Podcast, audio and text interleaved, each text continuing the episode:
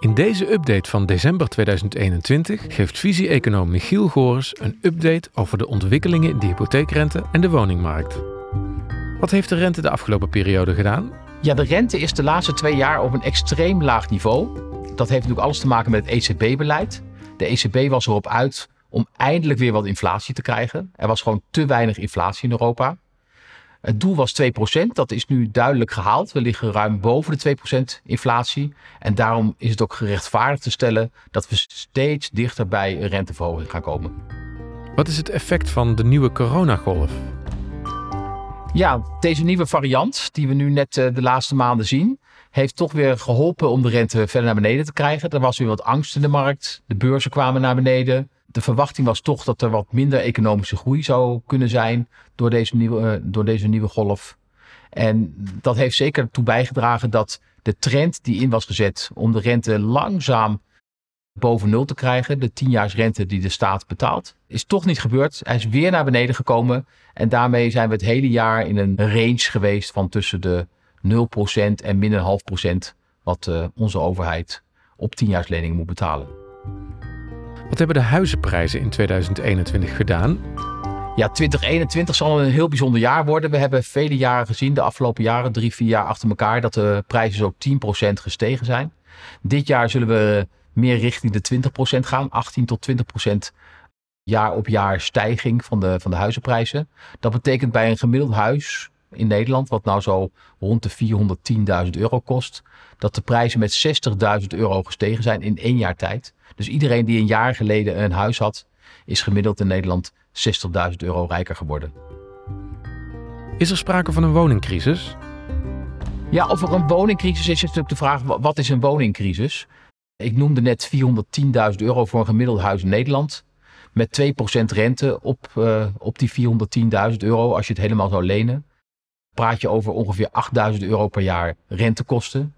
Dat is een te overzien maandbedrag in vergelijking tot uh, wat je voor zo'n huis zou betalen als je het zou huren. Dus vanuit dat perspectief valt het best nog wel mee. De betaalbaarheid van een woning, ook van een woning van 4 ton, is in orde. Waar meer crisis is, en dat zien we met name in het tweede en derde kwartaal van 2021, er is niet voldoende aanbod. Daardoor neemt het aantal transacties af. Maar voor de eerste negen maanden van het jaar hebben we nog steeds een relatief stabiel beeld. Omdat het eerste kwartaal heel veel transacties heeft laten zien. En wellicht ook wel wat transacties die naar voren gehaald waren. Lost een zelfbewoningsplicht de woningcrisis op? Ja, als we over te weinig aanbod in Nederland praten, dan is, het, is dat tekort van aanbod het meest aan de orde in de grote steden.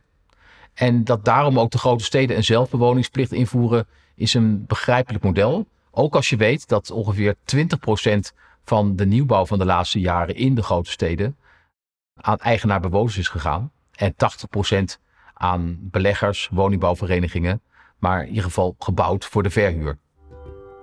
Vinden starters met een goed salaris nog wel een woning? Ja, starters met een goed salaris moet je gedifferentieerd zien. Als je praat over starters met één goed salaris, dus mensen die alleen willen kopen, dan wordt het steeds moeilijker om in de randstad iets te vinden. Eén goed salaris is niet meer voldoende om een huis te kunnen kopen. Als je allebei een, een mooie baan hebt en je wil met z'n tweeën kopen om daar met z'n tweeën te gaan wonen, dan is het nog een stuk makkelijker. En kan je zeker nog objecten vinden waar je met z'n tweeën kan wonen en die je ook met z'n tweeën kan betalen. Vinden experts het verstandig dat starters in deze markt kopen? Ja, experts hebben vele verschillende meningen. En het is heel moeilijk om in deze markt de verstandigste keuze te maken. Voor 1500 euro in de maand huren is misschien niet zo verstandig. Wellicht is het dan verstandiger om voor 1500 euro in de maand hypotheeklasten te hebben. Dan los je tenminste ook nog een beetje af.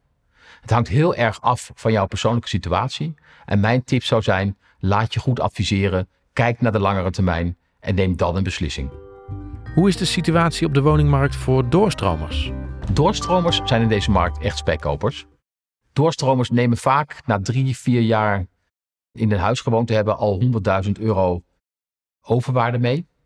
En die overwaarde kan je inzetten voor je nieuwe huis. Maakt de financiering dan toch een stuk makkelijker. Je hoeft niet 100% van het huis te financieren, maar misschien 70 of 80%. En dat uh, maakt het echt makkelijker en voordeliger. En al met al zou het best kunnen zijn dat je je oude hoge rente kwijtraakt. En nieuwe maandlasten krijgt die niet eens zoveel meer zijn dan voor je oude huis.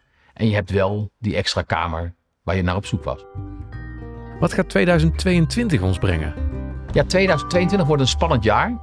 Momenteel is nog steeds de hypotheekrente op het allerlaagste niveau ooit. En zeker in, uh, in het eerste kwartaal is de verwachting dat je daarvan nog kan profiteren. De verwachting is wel dat de hogere inflatie uiteindelijk zal gaan leiden tot hogere rentes. En daarmee worden de best wel dure huizen die er nu al zijn, nog duurder in de maandlasten. En dan is de vraag wat dat voor kopers gaat betekenen.